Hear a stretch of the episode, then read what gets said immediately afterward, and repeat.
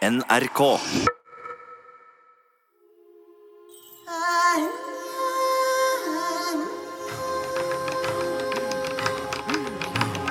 Jeg er Apalutok den røde. Det var det navnet jeg tok da jeg kom ned fra fjellet med den hemmelige hviten for mange år siden. Før det het jeg Rype eller Rev eller noe. Men så var det at jeg ble innvidd, og jeg fikk det nye navnet. Jeg er åndemaner. Jeg vet noe som andre ikke vet, og som de heller ikke har lyst til å vite. Jeg vet blant annet at danskene har kommet med noe som er større og bedre enn dem selv. Den kristne tro. For et usselt skip kan godt være lastet med noe verdifullt.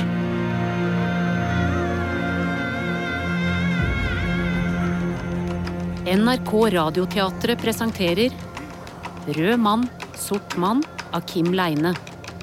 En dramaserie i åtte episoder.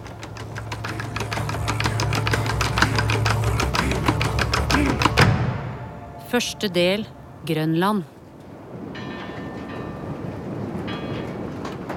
Lauritz Johansen Oksbøl, 15. oktober 1764 etter vår frelse. Når man skriver, kan man utøse sitt hjerte og betro papiret sine innerste tanker og hemmeligheter. Det er nesten som å, ja, som å bekjenne sine synder for presten. Jeg må skrive ned alt som har vedfart meg siden jeg kom hit til Grønland, for å på den måten summere opp dette merkelige. Det begynte der nede i Danmark. En dag kom en mann til Mårslev prestegård.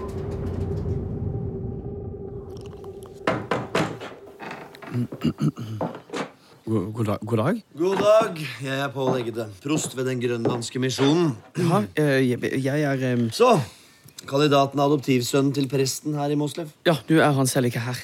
Det er kandidaten jeg er kommet for å treffe. Det er så at kandidaten ikke selv har fått et presteembete. Eh, Nei, nei, jeg har søkt flere steder etter at jeg ble uteksaminert. Så får jeg se på deg. Hva mener magisteren? Ta av deg på overkroppen. Hvorfor? Men i hete helvete, mann, ikke noe pjatt. Gjør som jeg sier. Ja, ja, ja. Stram armmusklene. Så sving på armene. Knebøy. Strekk armene frem. Ett, to, ett, to. Stå på ett ben. Godt. Så det andre benet. Ja. Armen over hodet. Så. Har du noen anfall av noe slag? Eh, Nei, nei, Ingen nei. plutselig fall eller syner? Nei. Hører du forskjellige stemmer i hodet? Nei. Har du to pungstener? Ja, Har du overdreven kjønnsdrift? det tror jeg ikke. Føler du deg helt frisk? Frisk og sterk som luks. Ja, altså, ikke misforstå det. Få se tennene dine. Hva? Gap. Ah, hør.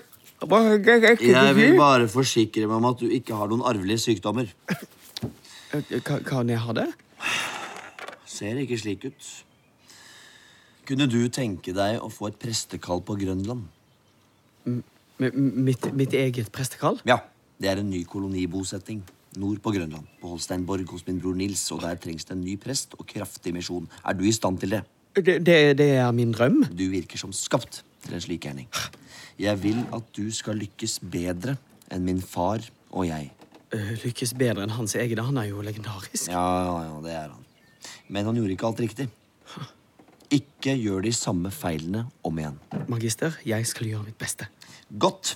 Da skriver jeg deg inn som alumnus ved det grønlandske seminarium, hvor du annet mottar undervisning i det grønlandske språket. Tusen hjertelig takk, magister. Det er meget viktig for kongen at vi vinner Grønland for kirken. Magisteren kan stole på meg. Så kanskje du også finner ut av det med hvem dine foreldre er. Ja, men, men det vet jeg. De heter Johanne og Sise. Jaha. Så det er slik fatt. Uh, unnskyld, unnskyld, magister. Hva, men, hva mener magisteren? Du får snakke med min bror Nils om det. Du treffer ham på Grønland.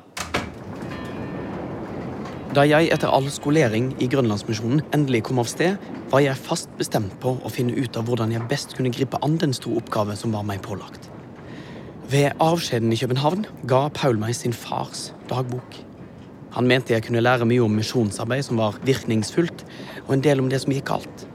Jeg takket ærbødigst og lærte mye på sjøreisen oppover. Da jeg endelig kom fram til Godt Hopp og installerte meg i misjonshuset, så fant jeg guvernørens nedtegnelse fra de første koloniseringsårene, og han beskrev detaljert forhistorien for deres reise hit. Hele koloniseringen ble startet av kong Fredrik i 1728.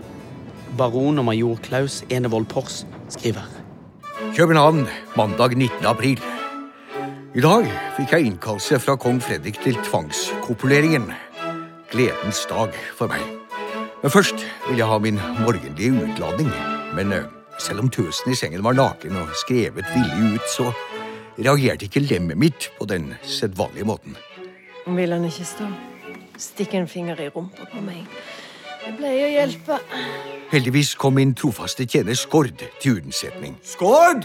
Skord! Det er kommet et kongelig brev til min herre. Bare lyden av stemmen til Skord fikk mitt lem til å reise seg, som en hund som hører herren sin rope. Skord kom inn med brevet, og han så straks at lemmet krevet sitt. Se der, ja. Nå skjedde det noe. Skord ga meg brevet og lot hånden favne lemmet mitt og ga meg en rask avrivning. Noe som er en hygienisk foranstaltning for å unngå samløp og forsuring av væsker. Og da onani jo er en synd som kan føre til all verdens ulykker, som tæring og melankoli, er det Skords oppgave å sørge for å få det gjort.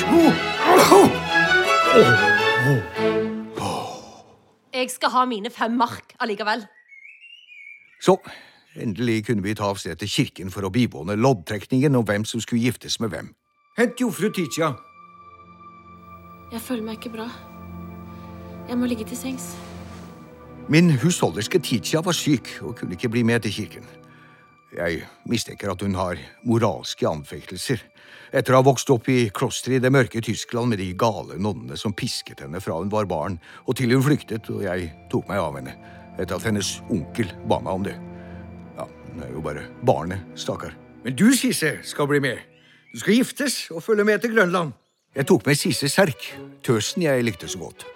Men hun gjorde også vrøvl. Jeg vil ikke giftes med hvem som helst. Jeg, jeg, jeg må finne forloveden min.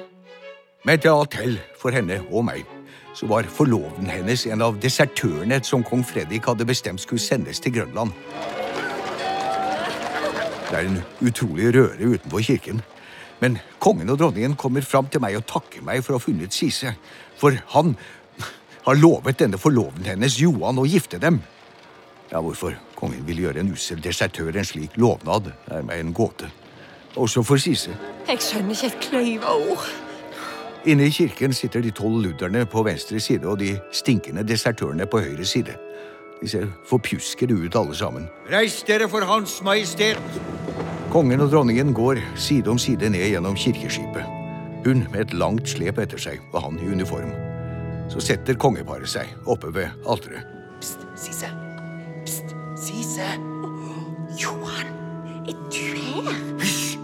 En hoffdame stikker hånden ned i en skinnpose som kirketjeneren holder fram mot henne, og trekker opp et stykke papir og roper ut et navn. Frans Glitner. En av mennene reiser seg opp og går opp til alteret. En ung hoffmann stikker hånden i en annen pose. Han roper opp et kvinnenavn. Maren Sortatt. Hun går og stiller seg ved siden av soldaten. Det ene paret etter det andre blir satt sammen ved loddtrekning. Kjelle-Katrine Olofsdatter. Kristoffer Falk. Skitten-Ane. Peter Hagemann. Ane Ulsok. Og til sist reiser kongen seg. Kongen kaller til seg Johan og Sise og setter dem sammen. La bryllupet bøye deg. Presten spør parene hver for seg. Tukthusfangene svarer høflig ja og erklæres for ektefolk å være. Men da han når fram til Johan og Sise, kan hun ikke få seg til å si ja. Vil du ikke ha meg likevel? Men presten gjør kort prosess og erklærer dem for gift, som de andre.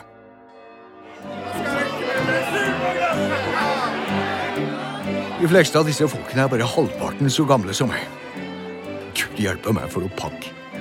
Ludere, desertører og tukthusfager.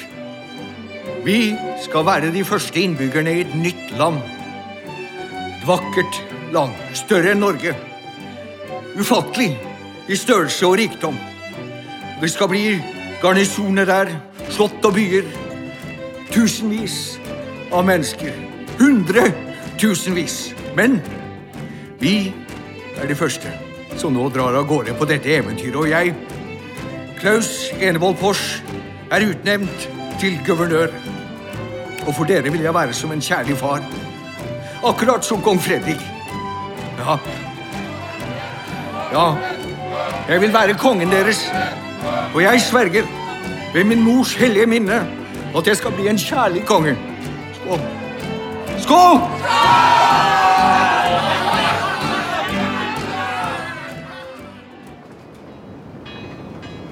Etter en strabasiøs sjøreise kom de alle sammen frem til Godthåp på Grønland.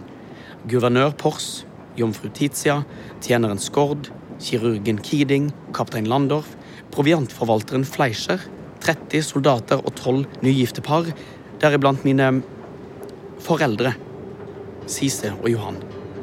De måtte bygge alt selv, helt fra grunnen. Og det var her i Godthåp at jeg på Pauls oppfordring oppsøkte Egedes yngste sønn, Nils, da jeg gjorde min ankomst i Godthåp 33 år senere. Nils hadde i likhet med storebroren Paul arvet farens enorme nesegrev. Han er jo eldre enn meg og har lykkes godt med å anlegge flere kolonier. Men vi kom straks godt ut av det med hverandre. Skål, da, Nils. Skål, prest Oksbøl. Mm, fortsett, vær så snill. Jeg må danne meg et bilde av hvordan din far grep an denne misjoneringen for ja, for å unngå noe feilgrep. Feilgrep.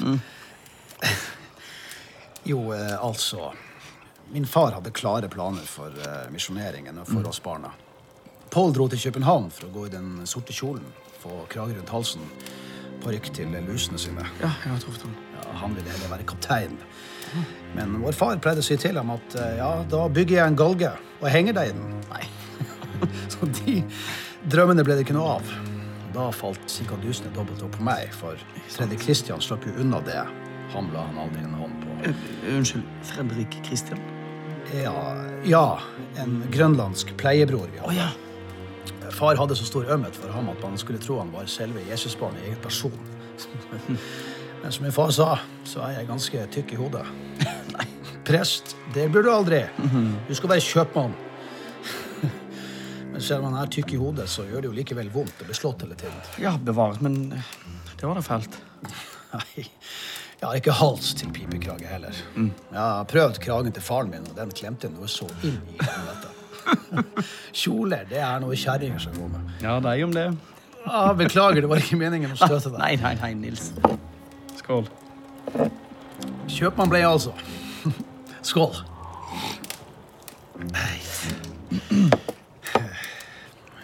Jeg hadde min egen kajakk. Ja, og hadde stor glede og nytte av den. Og for vidt omkring med den, ut i den gode og stille villmarken. Jeg har vært eh, alle mulige steder. Steder som ikke har navn. Jeg tror at jeg må være den hvite mannen som kjenner fjordsystemet her best. Det har da vært mange hvite menn her før? Hollendere. Englendere.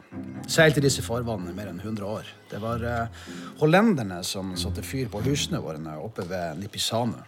Satte de fyr på husene deres? Ja, ja, ja. I en kolonilosje som min far anla. Uh, de driver stadig ulovlig handel med de innfødte. Min far var rasende på dem. Papister, jøder, kalte han det. Det er ikke så rart, men så fikk han vel omvendt mange av de ville. Hva? Jeg tror ikke det i all verdens kolonier fins én misjonær som er mer uvillig til å kristne folk enn min far. Men det mener du ikke? Han, han ofret jo nesten hele livet sitt der. Ja, han døpte vel ikke mer enn et halvt hundre innfødte de siste syv årene. Og de er til og med døde, nesten alle som en. Men det er vel ikke hans skyld? De ble vel syke? Han forkynte Guds kjærlighet, men samtidig får han fram med brask og bram overfor åndemanere og hekser og djevleriene til de innfødte. Ja, men det skulle vi bare mangle. Jeg har sett ham rasere et helt skinntelt med masse innfødte som satt og holdt på med lampelek inni. Han rev hele teltet, sparket spekklampen og kokekaren over ende og slo vilt rundt seg med vandrestaven. Og de stakkars folka som satt der, sprang halvnakne og skrikende og gjemte seg for ham langt ute i villmarken. Mange kvelder fortalte Nils meg om de første årene av koloniseringen. Og jeg fant at det han fortalte, stemte godt med dagboksnotatene til Egede selv. Samtidig var Nils ofte i slik forakt for sin far at jeg slett ikke visste om jeg kunne stole på alt han fortalte. Egede var nok en stri far. Så en vakker dag. Jeg satt og nøt solen og så utover livet i havnen. Kom en innfødt og snakket til meg.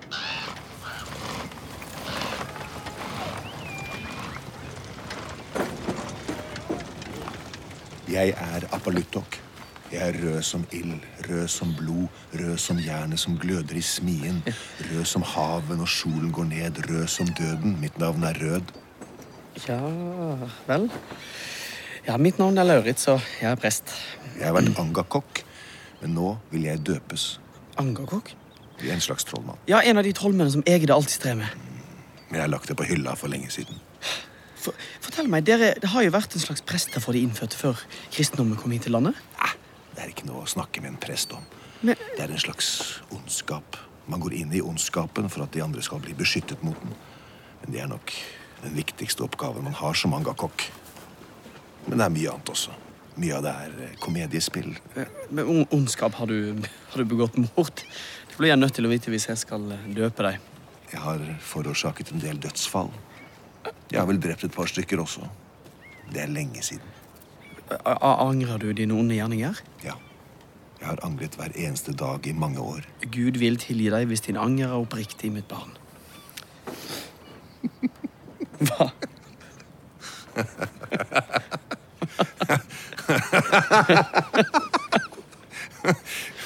Mitt barn. Mitt barn? Er det så morsomt at jeg kaller deg mitt barn? Slik er sedvanen at vi prester tiltaler folk uansett aldersforskjell. Ja, jeg vet det. Hvor kommer du fra? Eh, Jeg ble faktisk født her. Og foreldrene mine lever fremdeles. Og jeg er deres eneste barn. Du ligner en grønlender. Har noen fortalt deg det? Ja, ja, det har jeg fått høre mange ganger. I Danmark kalte de meg både Skrelling og Morian. Du skal ikke skjemmes for å ligne på en grønlender. Hva for et navn ønsker du deg når du blir døpt? Du kan godt få beholde ditt eh, innfødte navn, men de fleste vil gjerne ha et dansk navn. Nei, jeg vil ha et nytt navn. Mhm. Men jeg vil ikke si det før jeg blir døpt. Eh, eh, forresten, hvorfor vil ikke Egede døpe deg? Hvor mye tobakk har du? Nei, jeg har et godt lager. Vi får stoppe pipa godt, for det er en innfløkt historie. Ja, jeg er lutherøre. Lutter og lutter. Det handler om gutten min. Han het Papa. Han var ti vintre gammel. De andre barna var døde, ett for ett. Jeg hadde tatt han med meg ut til den lille danske bosettingen i havgapet. Dette var i 1723. Medhjelperen til Egede hadde gitt oss undervisning og gjort oss klare til dåpen. Han hadde lært oss å lese og skrive. Han hadde bedt Fader vår sammen med oss til vi kunne den utenat. Men Egede ville ikke gi oss dåpens sakrament. Han mente at så snart vi var døpt, kom vi til å dra vår kos og leve videre som villmenn og dermed vanhellige sakramentet. Jeg ble sint. Jeg tok gutten og dro min vei. Kona mi var ikke interessert i det kristne budskapet. Hun hadde ikke vært sammen med oss hos danskene og hadde tatt seg en annen mann i mellomtiden.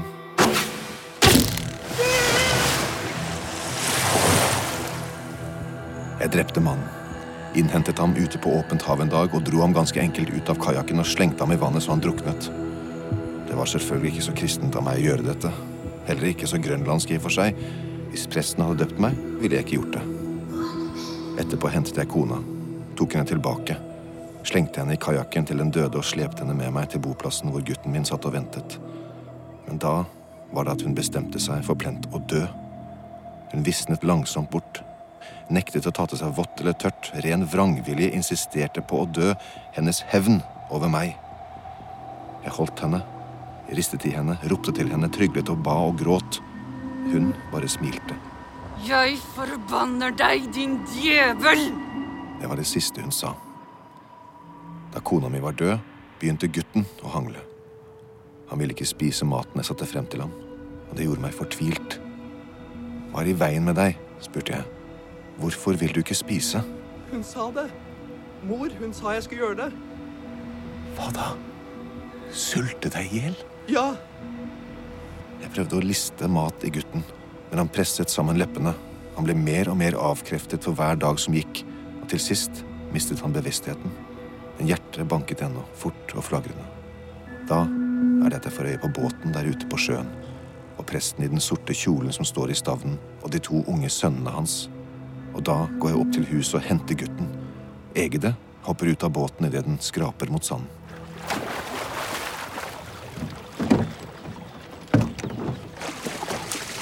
Dere gutter blir her. Jeg eh, kjenner deg. Hva er i veien med ungen? Han er syk. Han holder på å dø. Vil du ta ham med deg? Og mora? Hun er død. Kan ikke presten ta ham med seg? Ja, jeg vet jo at dere pleier å ta med dere syke barn og pleie dem. Ja, vi vasser i hedningunger. Det er kona mi som vil ha dem. Men vi har visst fullt hus på Vær så snill! Ta ham med i Jesu navn! Ja, ja. Skal det være på den måten, så i Herrens navn, da. Legg han i båten. Så, gutten min. Nå kommer vi til danskene igjen, og de vil hjelpe oss. Hva? Bare gutten. Ja, Men jeg må være sammen med sønnen min! Du kan komme og se til ham. Du vet jo hvor vi bor. Jeg blir stående og se etter dem til de er ute av sikte. Da var jeg alene i verden. Senere drar jeg inn til danskenes bosetting, og der ser jeg gutten med det samme. Han er blitt frisk, og jeg blir så glad. Men da jeg skal gå opp til ham og ta ham i favn, stiller Egede seg mellom oss. Du har ikke noe her å gjøre. Jeg er kommet for å hente sønnen min. Han er døpt nå. Hva? Han er en kristen. Han kan bli til nytte for meg i misjonen. Gå nå med deg. Du skal ikke stjele sønnen min fra meg. Fredrik Kristian, vil du følge med hedningpappaen din, eller vil du bli hos meg? Der ser du selv. Fredrik Kristian. Det er det kristne navnet hans. Han tilhører meg nå. Jeg kommer og henter ham senere. Ja, Hvis du gjør det, så skyter jeg en kule i ræva på deg. Jeg kommer tilbake flere ganger for å gjøre krav på sønnen min. Men presten vil ikke gi ham fra seg. Jeg prøver å vriste ham ut av hendene hans, men Egede drar til meg med knyttneven, og jeg reiser meg langsomt med blodet rennende fra nesen. Etter den dagen viser jeg meg ikke hos danskene i lange tider. Senere blir papa konfirmert. Han vokser og trives. Jeg ser ham en gang iblant. Så dør han. Men det skjer ikke før noen år senere. Det var nødvendig.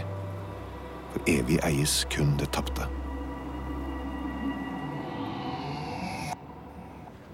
Stakkars mann. Jeg skal nok undervise deg, hvis ikke du heller vil over til de tyske pietistene. Til de forrykte selvplagerne? Nei. Jeg vil heller være her hos dere. Ja, Det er jeg glad for å høre. Da må du innfinne deg i misjonsstuen sammen med de andre som skal møte opp til dåpsforberedelse. Det skal jeg nok. Takk, mitt barn.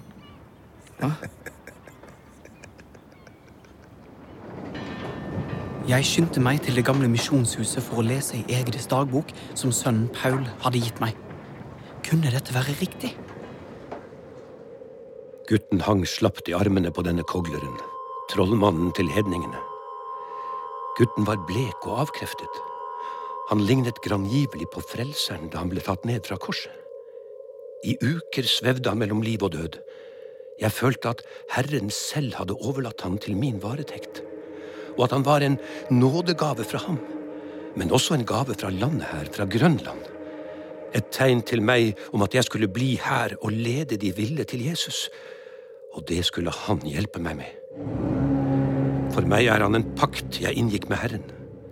Derfor er han så dyrebar for meg, og derfor kommer jeg aldri til å gi slipp på han. Og samme hva som skjer, kommer jeg til å være hans jordiske far. For det ansvaret har Herren gitt meg.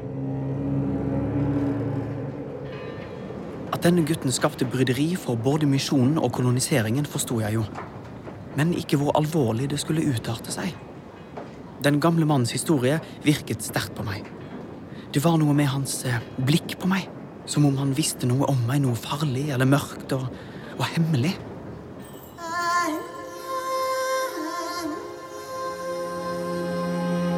Jeg har ikke noe imot at de har kommet hit til landet vårt, de kristne. Det er en god ting, tror jeg. For det er ikke bare moro å være en villmann. Det har mer å gjøre med måten de kommer hit på. Måten de er her på.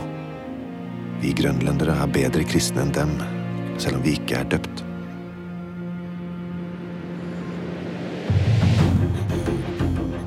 Du har hørt Rød mann, sort mann.